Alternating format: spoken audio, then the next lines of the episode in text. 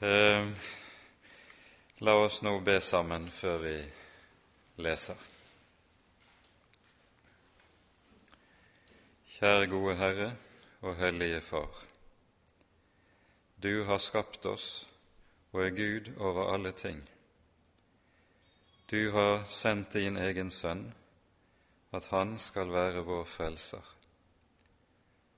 Takk, hellige og trofaste Gud, at du i alle ting vet å ta deg av oss.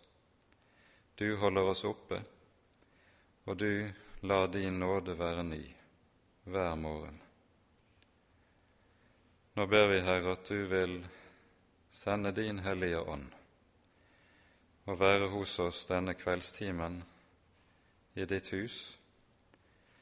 Gi oss nåde til, Herre, å ta til oss ordet ditt. Gi oss lys over ordet ditt, slik at vi også kan vandre rett med deg her i verden. Herre, forbarm deg over oss, for Jesus skyld. Amen.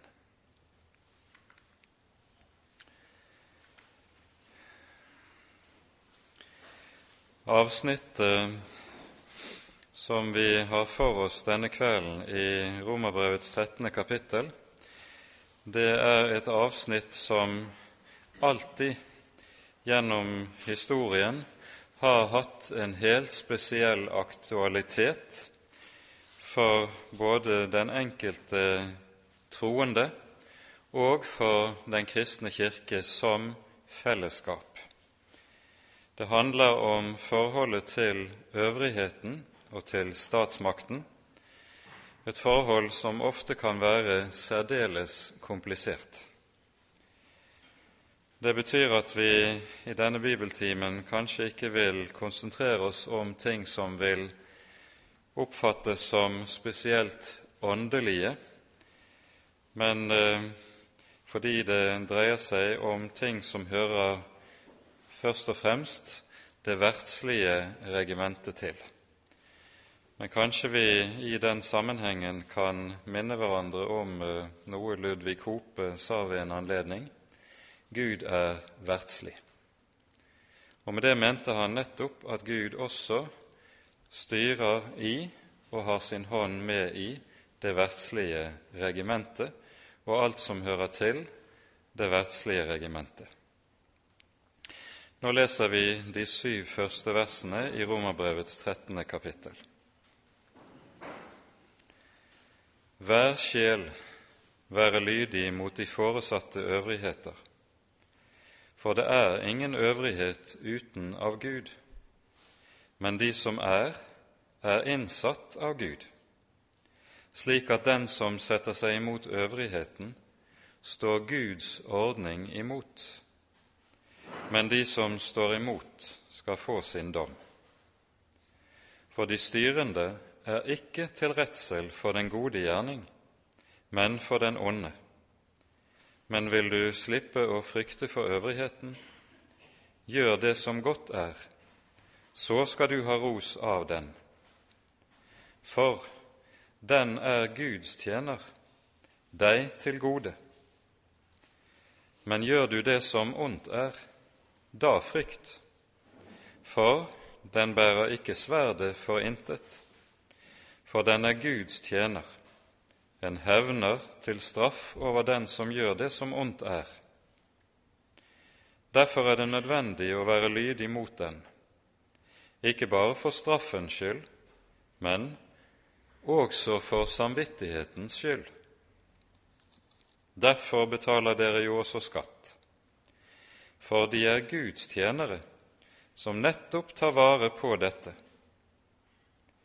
Gi alle det dere er dem skyldige, den skatt som skatt tilkommer, den toll som toll tilkommer, den frykt som frykt tilkommer, og den ære som ære tilkommer. Amen. Dette avsnittet her i Romerbrevet det er overmåte betydningsfullt når det gjelder hvorledes vi skal tenke om livet vårt her i denne verden. Og vi skal ikke minst merke oss sammenhengen som dette avsnittet står i i Romerbrevet, fordi når vi leser foregående kapittel, så slutter jo kapittel 12 med å tale om hvorledes troende mennesker ikke skal sette seg opp imot den som gjør ondt imot dem. Vi leser Hevn dere ikke selv, mine elskede, for det er skrevet meg hører hevnen til. Jeg vil gjengjelde, sier Herren. Og fortsetter, om da din fiende hungrer, så gi ham å ete. Om han tørster, så gi ham å drikke. For når du gjør dette, da sanker du gloende kull på hans hode. La deg ikke overvinne av det onde men overvinn det onde med det gode. Og Det vi her leser, det er jo noe som slutter seg direkte til Jesu undervisning i bergpreken, der Jesus taler om fiendekjærligheten. Om noen slår deg på ditt høyre kinn, da vend det venstre til. Det som vi hører i bergprekenen, og ikke minst også her i Romane 12. Det ser vi i kirkehistorien ofte har vært anvendt av ulike retninger eh, i den betydning at for det første en kristen kan ikke gå inn i det militære og være soldat. Og det har vært anvendt som eh, begrunnelse for å hevde at slik skal også denne verdens ordninger og lover være. Med andre ord at det ikke skal være en øvrighet som har makt og bruker makt over menneskene og mot menneskene.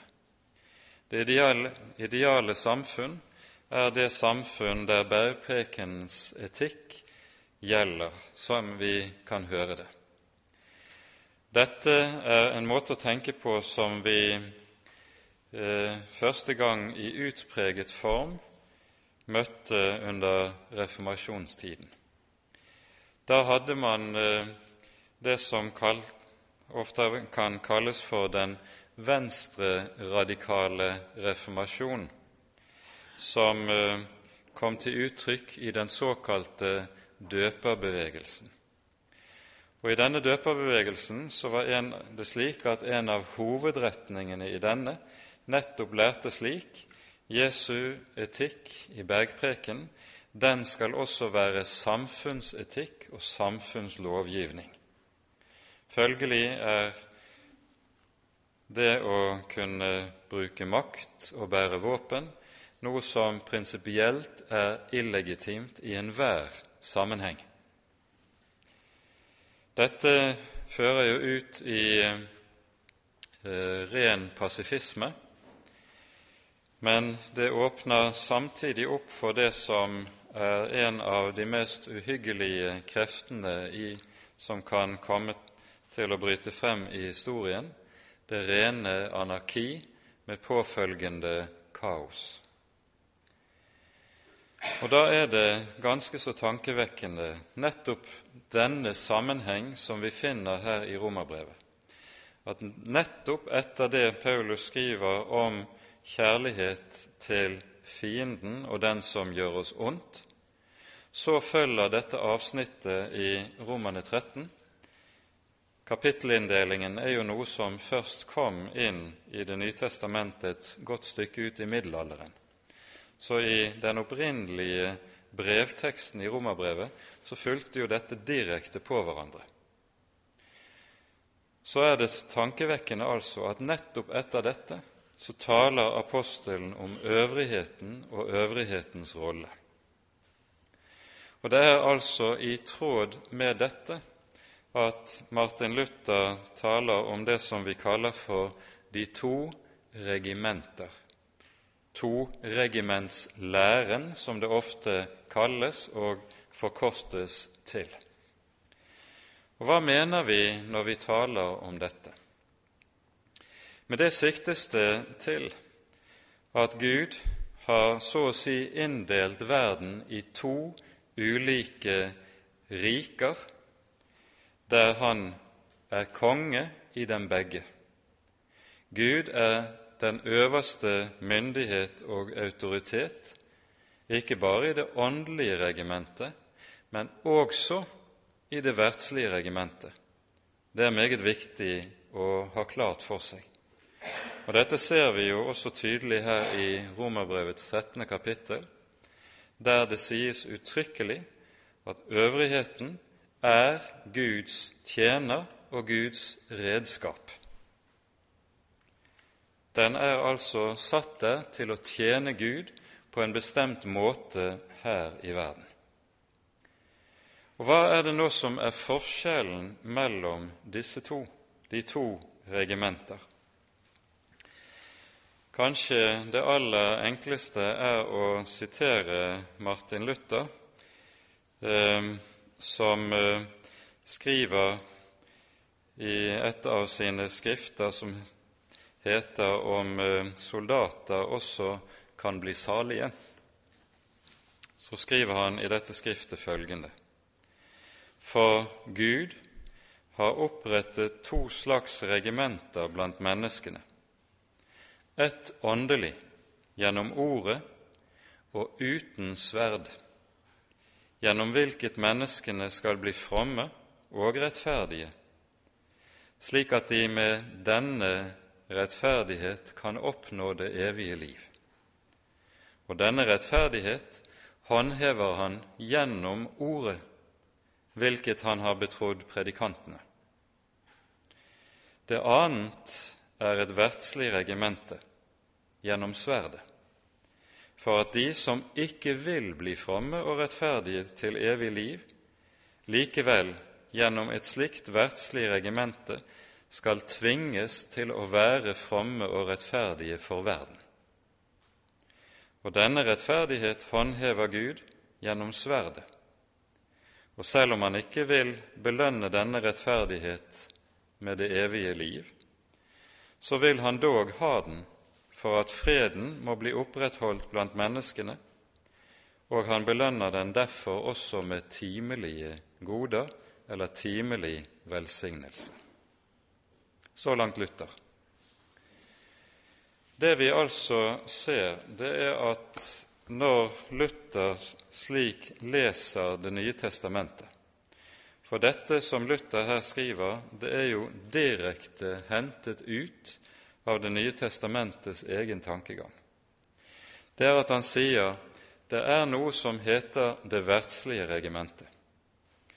I dette verdslige regimentet, der styrer Gud denne verden og holder denne verden oppe. Og denne verden holdes oppe gjennom loven. I det verdslige regimentet skal evangeliet ikke gjelde. Derfor har bergprekenens etikk ingen anvendelse i det verdslige regimentet. I det verdslige regimentet gjelder loven. Du skal, og du skal ikke. Og fordi menneskene er under syndens herredømme og ofte kan bli ganske vel, villstyrige, så trengs det også en myndighet som har rett til å bruke makt. Paulus skriver at øvrigheten bærer sverdet. Det vil si, den har rett til å bruke vold og makt for å hindre den onde gjerning og beskytte uskyldige og hjelpeløse mennesker i samfunnet. Og det, Denne Guds ordning er en del av Guds måte å holde denne verden oppe, holde verden ved lag, inntil Jesus kommer igjen. Det er en del av Guds gjerning som skaper og opprettholder. Og vi merker oss altså dette Øvrigheten har Guds egen fullmakt til med loven i hånd å anvende sverdet. Og med sverdet tenkes det da på helt konkret to ting. For det første at det skal være en politimyndighet i samfunnet som har rett til å stanse, arrestere og straffe forbrytelser og enhver ond gjerning i samfunnet. Dernest skal det også være et militærvesen som kan beskytte borgerne mot angrep av ugudelige eller fiendtlige makter. Og det å gjøre tjeneste slik, enten det nå er i politi eller i militærvesen, det er ikke i strid med Guds ord. Det er i tråd med dette at vi f.eks. kan høre at døperen Johannes, når eh, hans virke er på det høyeste, så hører vi at ulike mennesker kommer til hans dåp for å bøye seg i omvendelse. Og så leser vi i Lukasevangeliet tredje kapittel følgende. Der kom også krigsfolk til ham og spurte og sa:" Og vi da, hva skal vi gjøre? Han sa til dem:" Press ikke penger ut av noen ved vold eller ved svik, og la dere nøye med deres lønn. Det, det døperen her sier, det er altså at soldater skal sørge for at de ikke misbruker sin makt til egen vinning. De skal i sin utførelse av sin tjeneste opptre med rettskaffenhet og rettferd, og dersom de det gjør, så er deres gjerning og deres tjeneste ikke i strid med Guds ord og med Guds ordninger her i verden. For døperen befaler ikke soldatene å forlate sin tjeneste. Det gjør han aldeles ikke. For det er nødvendig for at det skal være en demning mot de onde krefter mot kaoskreftene her i verden at det må også være slike ordninger i samfunnet. La oss kalle det for et nødvendig onde. Og disse har altså som fullmakt fra Gud å beskytte landets innbyggere mot den onde gjerning, og i tråd med og forlengelsen av dette kan reformatorene sågar tale om rettferdig krig.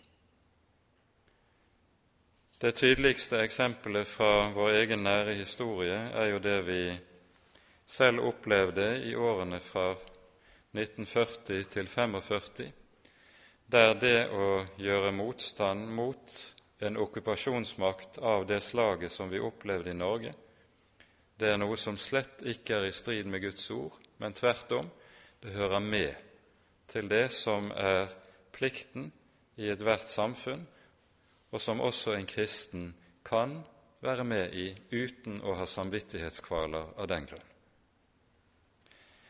Dette er viktig å være oppmerksom på, for Gud har altså inndelt tilværelsen i to, to ulike områder, regimenter, eller styringsområder.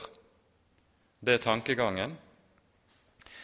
Og når det tales om det verdslige regimentet, så tales det om hvorledes Gud opprettholder samfunnet på skapelsens område.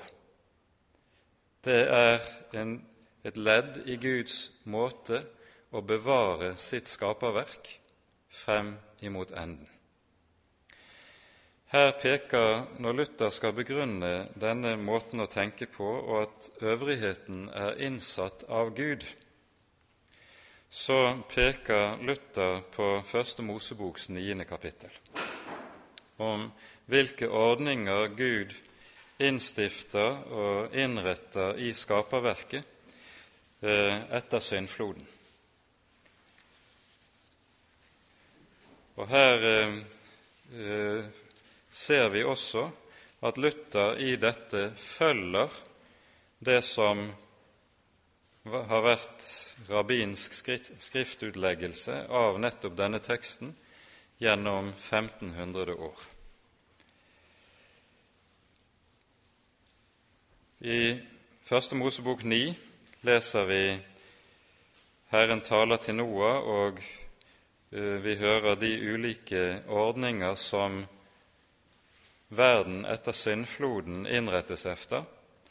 Og så sies det fra vers 5.: Men for deres eget blod, altså for menneskets blod, vil jeg kreve hevn. Av hvert dyr vil jeg kreve hevn for det, og av mennesket, av enhvers bror, vil jeg kreve hevn for menneskets liv. Den som utøser menneskets blod, ved mennesket skal hans blod ut, utøses, for i Guds bilde skapte han mennesket. Både rabbinerne fra gammelt av og likeledes Martin Luther leser denne teksten slik at Gud her innsetter en ordning der som har myndighet fra Gud selv til å straffe den onde gjerning. Denne straff må ikke foregå av det enkelte mennesket som privatperson. Da får du det i samfunnet som man ofte har sett gjennom historien blodhevn, som fører forferdelig mye elendighet med seg og kan føre et samfunn like ut i kaos. Men det skal være en ordnet øvrighet som på Guds vegne altså har denne fullmakt å dømme og straffe den onde gjerning. Og det er på dette teksten her i Romane 13 eh, hviler. For Paulus, som jo er opplært som rabbiner, han har nettopp lært å lese Første Mosebok på denne måten og han ser ikke det som noe problem etter at han er blitt en kristen. Den verdslige øvrighet skal styre med loven, og den verdslige øvrighet skal styre og herske over menneskenes legemlige liv og beskytte menneskenes legemlige liv. Men i dette ligger også det som er begrensningen for øvrighetens myndighet og fullmakt. Øvrigheten har nemlig ikke noe med å herske over menneskenes hjerter og samvittighet og gi seg til å diktere hva mennesker skal tro, og hvilken overbevisning menneskene skal ha. Hjertene hører Gud til, ikke staten for å si det på den måten. Og Dette innebærer at det skal være et meget skarpt skille mellom det åndelige og det verdslige regimentet. Det åndelige regimentet det styres utelukkende med Guds ord og med evangeliet. I det åndelige regimentet skal det ikke være noe som helst form for ytre vold og maktbruk. I det åndelige regimentet der gjelder bergprekenens etikk. I det åndelige regimentet er det at den troende skal vite at her er det evangeliet alene som skal styre. Dette skillet mellom åndelig og verdslige regimentet, det er noe som Jesus selv prinsipielt etablerer i et bestemt ord i Matteusevangeliets 22. kapittel. Når Jesus nemlig sier 'Gi Gud hva Guds er', og keiseren hva keiserens er, da etableres nettopp dette skillet mellom det åndelige og det verdslige. Gud hva er det som hører ham til? Det er hjertene. Keiseren skal ikke ha hjerte, men keiseren skal ha lydighet på det ytre området. Og her er det Jesus også gjør noe som er meget radikalt i forhold til den gamle pakt. I den gamle pakt der har vi det vi kan kalle for et teokrati. Altså, det var slik at åndelig og verdslig makt var forenet i en myndighet, noe som gjenspeiles i at Mosebøkene både inneholder morallovgivning og juss, strafferett, altså lovgivning som dreier seg om hvorledes en skal forholde seg til forbrytelser, det som gjøres av galt og ondt i samfunnet. Når Jesus sier 'Gi Gud hva Guds er', og keiseren hva keiserens er, så oppretter han et skille som kjennetegner den nye pakt til forskjell fra den gamle. Den gamle pakt var et teokrati som skulle regjeres og styres etter Moseloven. Den nye pakt, den er ikke et teokrati, og derfor kan Den kristne kirke aldri kreve at samfunnet skal styres og regjeres etter bestemte kristne bud og forskrifter og ordninger. Det har vært forsøkt noen ganger i historien. Mest kjent er reformatoren Calvins forsøk på å bygge en Guds stat i Genéve. Det endte med forferdelse for Calvins vedkommende, og han ble fordrevet av en rasende folkemengde som ikke kunne tåle den slags åndelig tyranni. Der er og skal være et skille mellom det åndelige og det verdslige regimentet. Men når det er sagt, så står vi da samtidig overfor noe av det som ikke minst i Europas historie har vært et stadig problem og et grunntema, nemlig at det åndelige og det verdslige regimentet blandes sammen. En stor del av middelalderens historie dreier seg jo rundt tematikken at paven krevet ikke bare å ha åndelig myndighet i kraft av Guds ord, men han krevet også å ha verdslig makt og myndighet, slik at han skulle være autoritet som kunne byde over konger og keisere.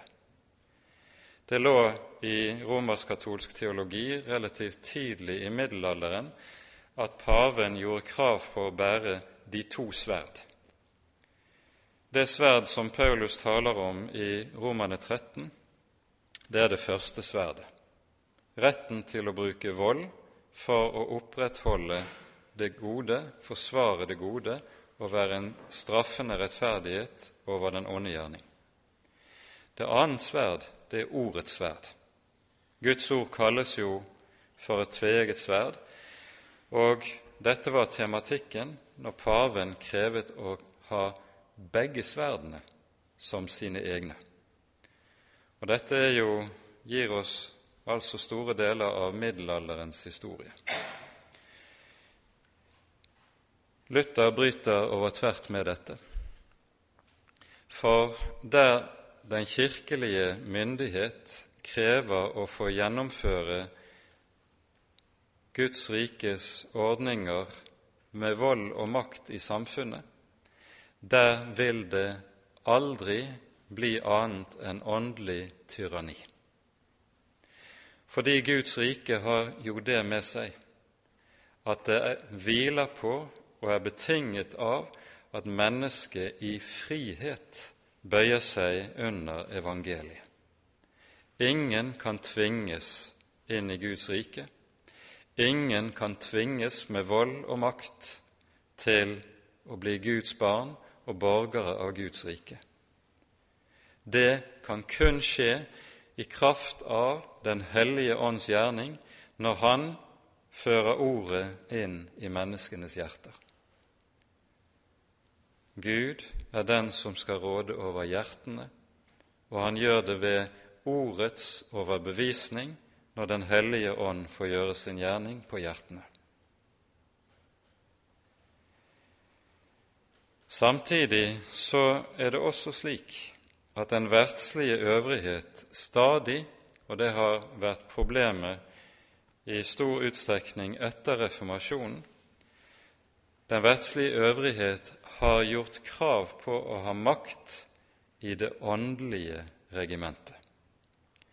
Det er statskirkesystemets akilleshæl. Og vi ser hvorledes dette i enevoldstiden, ikke minst i vårt eget land, har kommet ut på den måten at det var kongelig lov at hver innbygger i landet hadde plikt til å gå i Guds hus og til gudstjeneste, og dersom han ikke gjorde det, kunne han straffes med bøter eller fengsel eller landsforvisning. Og En tilsvarende forpliktelse til dette lå også på nadværgang. Enhver innbygger, helt uavhengig av hvordan han levet, om han levet som en horkarl eller fyllik eller tyv eller hvem han nå enn var, han skulle gå til nadvær én eller to ganger i året, og hvis ikke, så risikerte han straff med bøter og enda strengere ting. Da er det vi ser en blanding av det åndelige og det verdslige regimentet som er i strid med Guds ord. Denne type blanding av det åndelige og det verdslige regimentet ser vi også i vår egen tid, når ulike regjeringer, helst de av sosialistisk merke, søker å styre Kirken gjennom bestemte typer utnevnelser til biskoper. Man ønsker å styre utviklingen av den kirkelige teologi gjennom en bestemt utnevnelsespolitikk. Og Dette er jo noe som sies ganske tydelig også fra Arbeiderpartiets side, at man eh, vil sikre gjennom den typen utnevnelser en åpen folkekirke. Og det er et kodeord å, eh, som brukes for å beskrive en kirke som Eh, er antinomistisk, dvs. Si en kirke som ikke holder Guds hellige lov i hevd, men eh, lar mennesker, hvem de nå enn er, og hvordan de nå enn lever, så skal alle gjelde for å være kristne. Det er den åpne kirke. Tilsvarende tenker en om en slik folkekirke at folkekirke betyr at det er folket som skal bestemme og styre over Kirken. Ikke at det er en kirke for folket, men det er en kirke av folket, og som skal styres av folket. Dette er gjeldende politikk i de sosialistiske partier og har vært i mange år. Og her ser vi på ny denne type blanding av det åndelige og det verdslige regimentet, som er i strid med Guds ord. Martin Luther sier dette meget klart. Der det åndelige og det verdslige regimentet blandes, der har vi et kjennetegn på djevelen. Så klart og så sterkt sier han det, for det fører alltid til at der det åndelige og det verdslige regimentet blandes, der blander man også loven og evangeliet. De to ting hører nemlig uløselig sammen. Og Da skjønner vi at vi med det vi nå har begynt å se på, så er vi inne i temaområder som er både uhyre aktuelle inn i dagens politiske og kirkelige situasjon, samtidig som vi her står overfor noe som Guds ord lærer oss, som vi ikke kan unnlate å løfte frem for å kaste lys over, fra Guds ord over hva som er den faktiske situasjonen i ikke bare vårt eget land, men også i de øvrige nordiske land der man har et statskirkesystem. Også i de øvrige nordiske land opptrer statsmakten nå med ambisjoner om å endre den kristne kirkes teologi med tanke på å skape en kirke som kan fungere som statsmaktens redskap. Og det er det som jo er ønsket. Den situasjonen vi med dette er kommet inn i og ser, det er en situasjon som har en ganske bestemt forhistorie, men vi gjør kanskje vel i med dette å rette blikket på tilbake til perioden fra 1940 til 1945. For under motstandskampen under krigen så eh, kom jo kirkekampen til å være uhyre betydningsfull. Eh, I kirkekampen så finner vi høydepunktet i denne, i det som skjer første påskedag i 1942. Da legger prester og biskoper i Den norske kirke ned sine statlige embeter, samtidig som det avlegges en bekjennelse som heter Kirkens grunn. Og I denne bekjennelsen så gjøres det meget klart hva et sant og rett forhold skal være mellom øvrighet og menighet, mellom stat og kirke. Og jeg tror vi skal ta oss tid til å lese et par avsnitt fra bekjennelsen Kirkens grunn.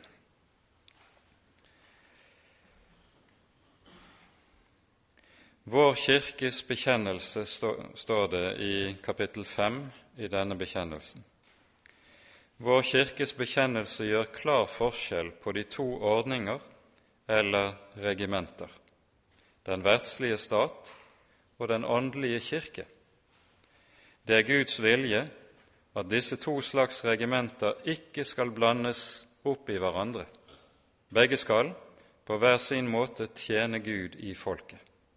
Merk det begge er satt til å tjene Gud i folket. De har hver sitt tydelige kall fra Gud. Det er Kirkens kall å forvalte de evige goder og la Guds ords lys falle over alle menneskelige forhold. Om statens kall uttaler vår bekjennelse at staten ikke har noe med sjelene eller samvittighetene å gjøre men skal verge legemene og de legemlige ting mot åpenbar urett og holde menneskene i tømme for å opprettholde borgerlig rettferd og fred. Og Her siteres det fra Den augsburgske bekjennelses artikkel 28. Men så har man altså fått den situasjonen under okkupasjonen at det nazistiske styret griper inn i flere ulike forhold. Den viktigste foranledningen, kanskje, til at Kirken så seg tvunget til å avlegge denne bekjennelse, var nazistene sin inngrep i barneoppdragelsen. Og legg merke til det. De nazistiske myndigheter søkte å innføre en nyordning i skole og i barneoppdragelse som skulle oppdra barna i en ny livsanskuelse. De skulle sitat, 'revolusjonere barnas sinn'.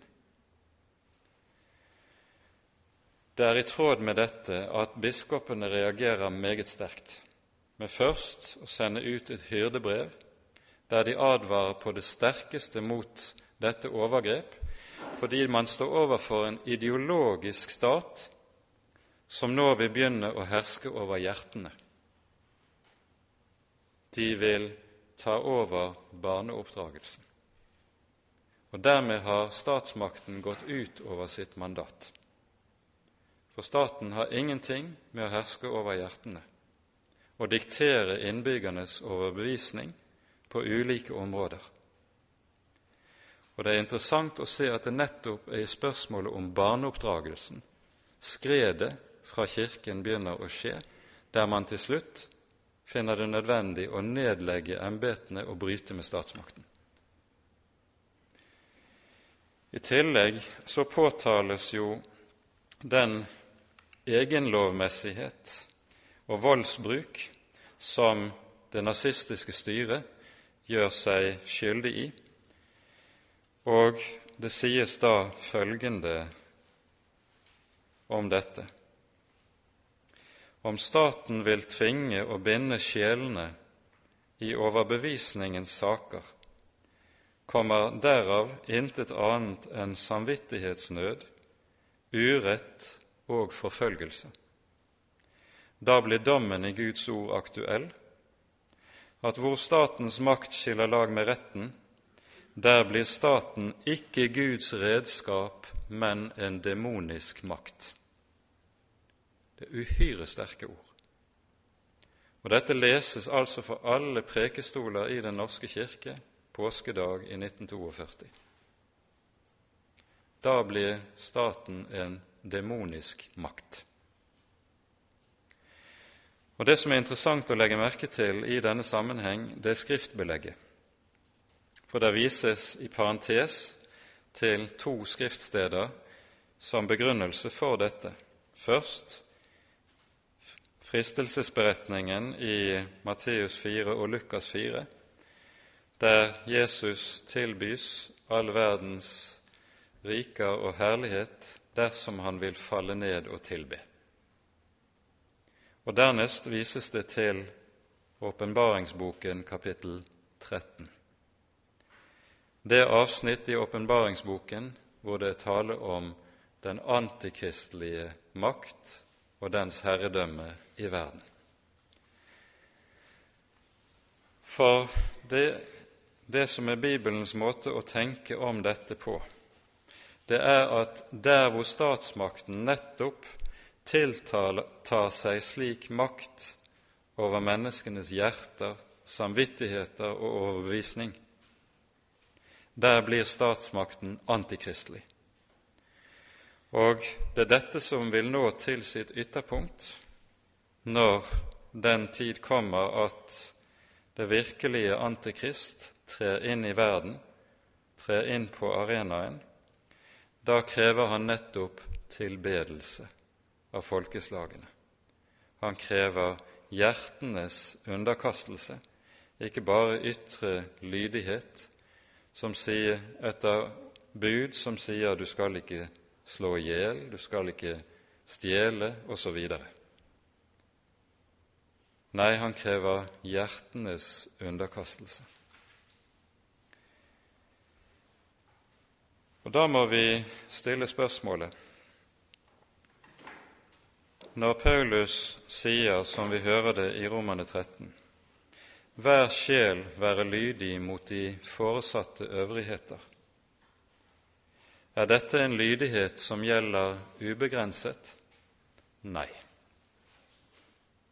Bibelen lærer oss tydelig at dette er en lydighet som har sine klare begrensninger. Klarest er det sagt i apostelgjerningene 5, vers 29, der vi hører om Peter og Johannes som står for Det høye råd.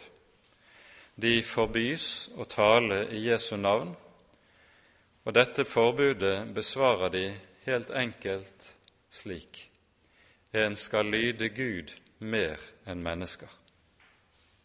En skal lyde Gud mer enn mennesker. Luther viser i denne sammenheng også til teksten i Daniel 6, der vi hører om hvorledes kongen i Babylon påbyr at ingen innbygger i hans rike i løpet av en måned skal be til noen annen enn ham som guddom. Daniel er ulydig mot dette og fortsetter ufortrødent å tilbe Herren vendt mot Jerusalem tre ganger om dagen.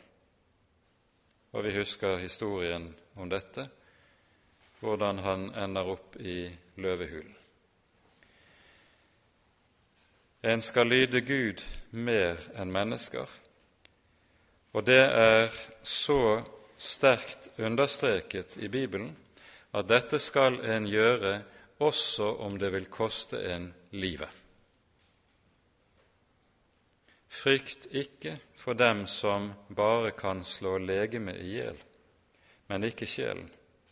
Men frykt heller for ham som kan ødelegge både sjel og legeme i helvete, sier Jesus i Matteus 10, nettopp med tanke på dette. Vi skal lyde Gud mer enn mennesker. Og Dette er altså den begrensningen som er lagt der, og som for troende mennesker står det helt klart. Alltid når statsmakten går utover sitt myndighetsområde og skal begynne å styre over hjertene og menneskenes overbevisning, da er vi forpliktet til ulydighet mot staten. For vårt vedkommende i det som er dagens situasjon, så har det en veldig aktualitet på flere områder. Vi hadde for et par uker siden et seminar i FBBs regi her i kirken, der dette ble tematisert. Et av foredragene het 'Statens barn?' med spørsmålstegn etter.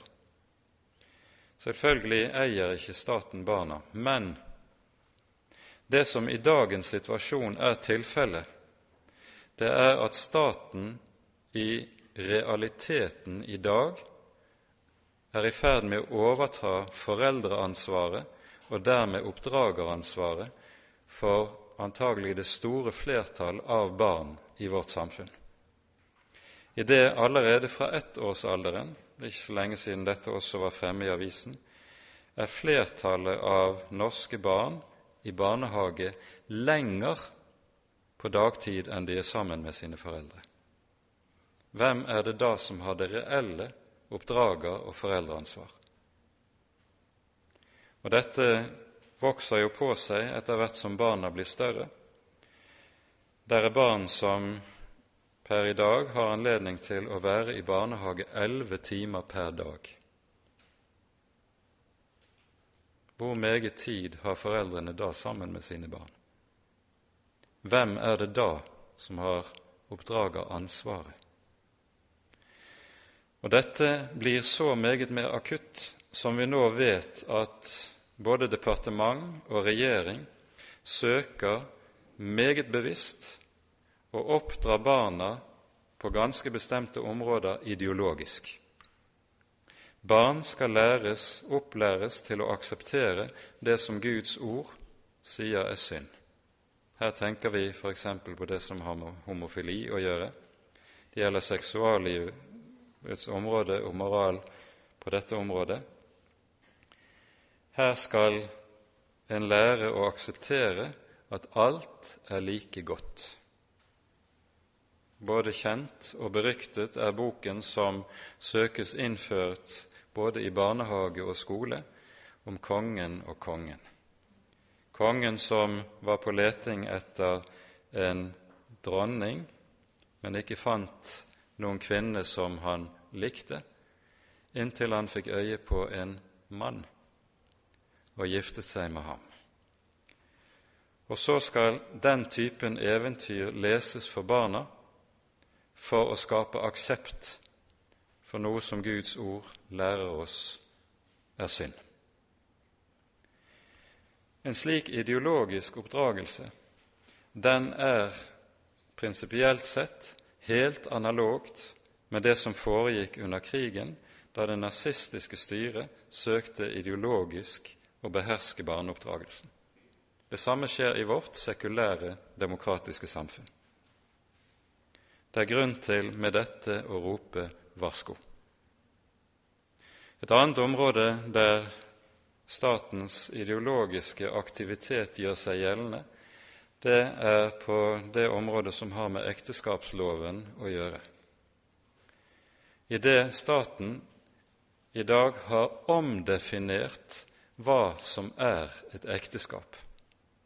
I alle kulturer og gjennom hele historien har ekteskap alltid vært forstått som samliv mellom mann og kvinne, og fortrinnsvis som samliv mellom én mann og én kvinne. Flerkoneri er unntak sånn sett. I dag er dette ikke tilfellet i norsk lovgivning. Ekteskapet er definert som samliv mellom to selvstendige personer. Kjønn er likegyldig. Og Dette kreves det aksept for i befolkningen. Det er den ideologisk aktive stat som slik søker å oppdra befolkningen til en moral som er i strid med Guds ord. Hos Jesaja leser vi i det tiende kapittel ved dem som gir ugudelige lover, og som innfører fordervelige forskrifter. Og det gjelder i høy grad om det som vi i dag ser for våre øyne i samfunnslivet. For ikke å snakke om abortloven, som nå er over 30 år gammel. Det er det å ta liv av barnet i mors liv regnes som ikke bare rett, men som en menneskerett for kvinnen. Det er en utvikling i lovverket som her er dypt alvorlig, og der staten mer og mer, selv om den er demokratisk, selv om vi lever i et fritt samfunn, mer og mer får karakter av det som i Kirkens grunn kalles for en demonisk makt. Og dette må vi være klar over. For dette er en utvikling som bare vil fortsette, sannsynligvis, hvis ikke det skjer noe helt radikalt i samfunnet vårt til omvendelse, men det er lite som tyder på at så vil komme til å skje. Vi må forstå hva vi står overfor. Øvrigheten skal vi altså være lydige mot, men vi er kommet i en situasjon i vårt eget samfunn der lydigheten mer og mer vil måtte få klare grenser, og disse grensene vil kanskje kunne komme til å koste oss noe. Hvis f.eks. unge familier skal være forsiktige med å sende barna sine i barnehage, da vil det ha økonomiske konsekvenser fordi en vil Da vil ikke begge ektefeller ha anledning til å være i fullt arbeid. Er man villig til det? Her handler det om at vi som Guds folk skal være og må være en motkultur. Det betyr helt konkret at det å være en kristen, det vil kanskje bety at vi må blankpusse idealene om gudfryktighet med nøysomhet, der det ikke blir en selvfølge at vi kan følge med i den velstandsgaloppen som samfunnet ellers tar del i, men må nøye oss med mindre, for barnas skyld.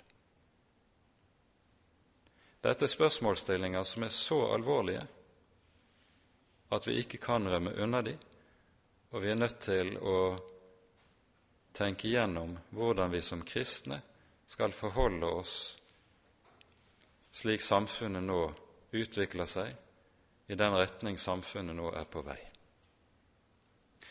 Alt dette er slike ting som vi er nødt til å bearbeide og tenke grundig igjennom.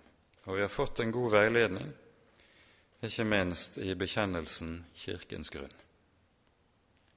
Og bær i minne dette, at noe av det som nettopp var den viktigste utløsende faktoren her, det handlet om barneoppdragelsen. I hyrdebrevet som biskopene skrev et halvt år før Kirkens grunn ble offentliggjort, så tales det meget sterkt om kristne foreldres oppdrageransvar.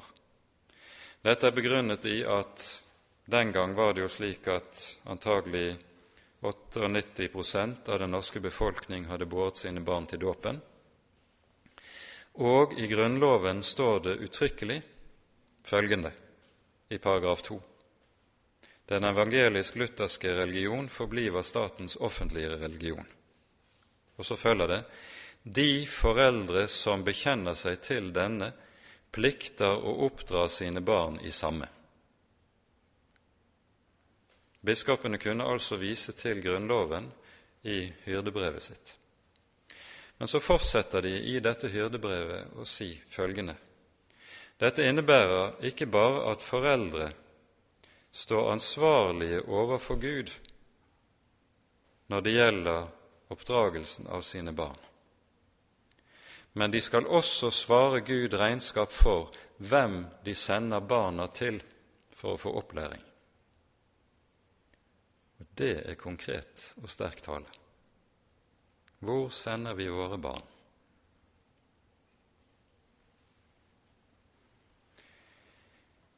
Vi har altså med den ideologisk aktive stat å gjøre i dag, som antagelig, slik det ser ut, i økende utstrekning vil vise seg villig til å gripe inn i innbyggernes liv, og ikke minst i barnas og de unges liv, på denne måten. Målsettingen her synes å være meget klar. Det er nemlig slik at vi vet dette var Goebbels, Hitler sin propagandaminister sin tese. Den som eier barna, eier fremtiden. Og Det er jo denne tankegang som alltid har diktert den ideologiske stat sine bestrebelser. Helt fra den franske revolusjon av har det vært en målsetting å ødelegge familien. Derfor ser vi allerede Rousseau, som lever sammen med sin husholderske uten å gifte seg med henne. Han får jeg tror det var syv barn, hvis jeg ikke husker feil. Med en gang barna var født, så tar han barnet med seg i en kurv og setter det på trappen utenfor rådhuset med følgende ord det er øvrighetens oppgave å oppdra barn, ikke foreldrene. Et stykke på vei søkes dette å gjennomføres under den franske revolusjon. Og målsettingen er denne at når barnas bånd til foreldrene oppløses, da ødelegges familien. Og der familien ødelegges, der fører det til en veldig rotløshet hos barna, hos innbyggerne, som gjør at en lar seg manipulere politisk. Innbyggere som på denne måten fratas foreldre, de blir hjelpeløst stemmekveg som kan manipuleres av øvrigheten. Og det er den ideelle fremtid for enhver statsmakt som har den typen ambisjoner. Det er mye mer å si om Europas historie i denne sammenheng, men det er ikke tid for dette. Når Paulus altså skriver som han gjør her i Romane 13, om nødvendigheten av lydighet mot øvrigheten, så er det en lydighet som skal gjelde på det rent ytre, legemlige området. En kristen er lovlydig. Han betaler sin skatt. Han gjør rett og skjell for seg på alle områder. Han skal søke på alle områder av livet å være en lovlydig borger, vel vitende at denne lydighet har en grense, men en kristen er lydig mot landets lover, enten han nå er enig i disse lover eller ikke. Det er jo f.eks. ganske irriterende at det enkelte steder skal være 50 km fartsgrense der jeg kunne godt tenke meg å kjøre i 70 eller 80. Lar jeg min vurdering overstyre hva som gjelder i norsk lov, eller innretter jeg meg etter det? Dette er såpass konkret at en kristen skal tenke vi følger og innretter oss etter trafikkreglene. Enhver sjel være lydig mot de foresatte myndigheter. Dette er et konkret eksempel der eh, vi nok kanskje noen enhver har grunn til å tenke etter, for det er så lett å ta seg til rette. Kort det som vi nå har vært innom, det berører altså helt grunnleggende sider ved vårt liv her i verden. Og vi lever i dag i en tid der det er helt avgjørende å, også å være klar over hva som skjer i samfunnet omkring oss, med tanke på at vi som troende mennesker også skal lære å leve rett. Og da handler det om å vite at det er Gud som er øverste øvrighet både i det åndelige regimentet og i det verdslige regimentet. Når vi er lydige mot landets lover, så er det lydighet mot Herren. Det er derfor Paulus uttrykker seg som han gjør i vers 5. Derfor er det nødvendig å være lydig mot dem, ikke bare for straffens skyld, men for samvittighetens skyld. Det handler nemlig om samvittigheten som står overfor Gud. Med dette tror jeg vi setter punktum. Det er sikkert ganske mange ting som ellers kunne vært tatt opp, og som det kan være nødvendig også å spørre om, men eh, det får holde så langt. Ære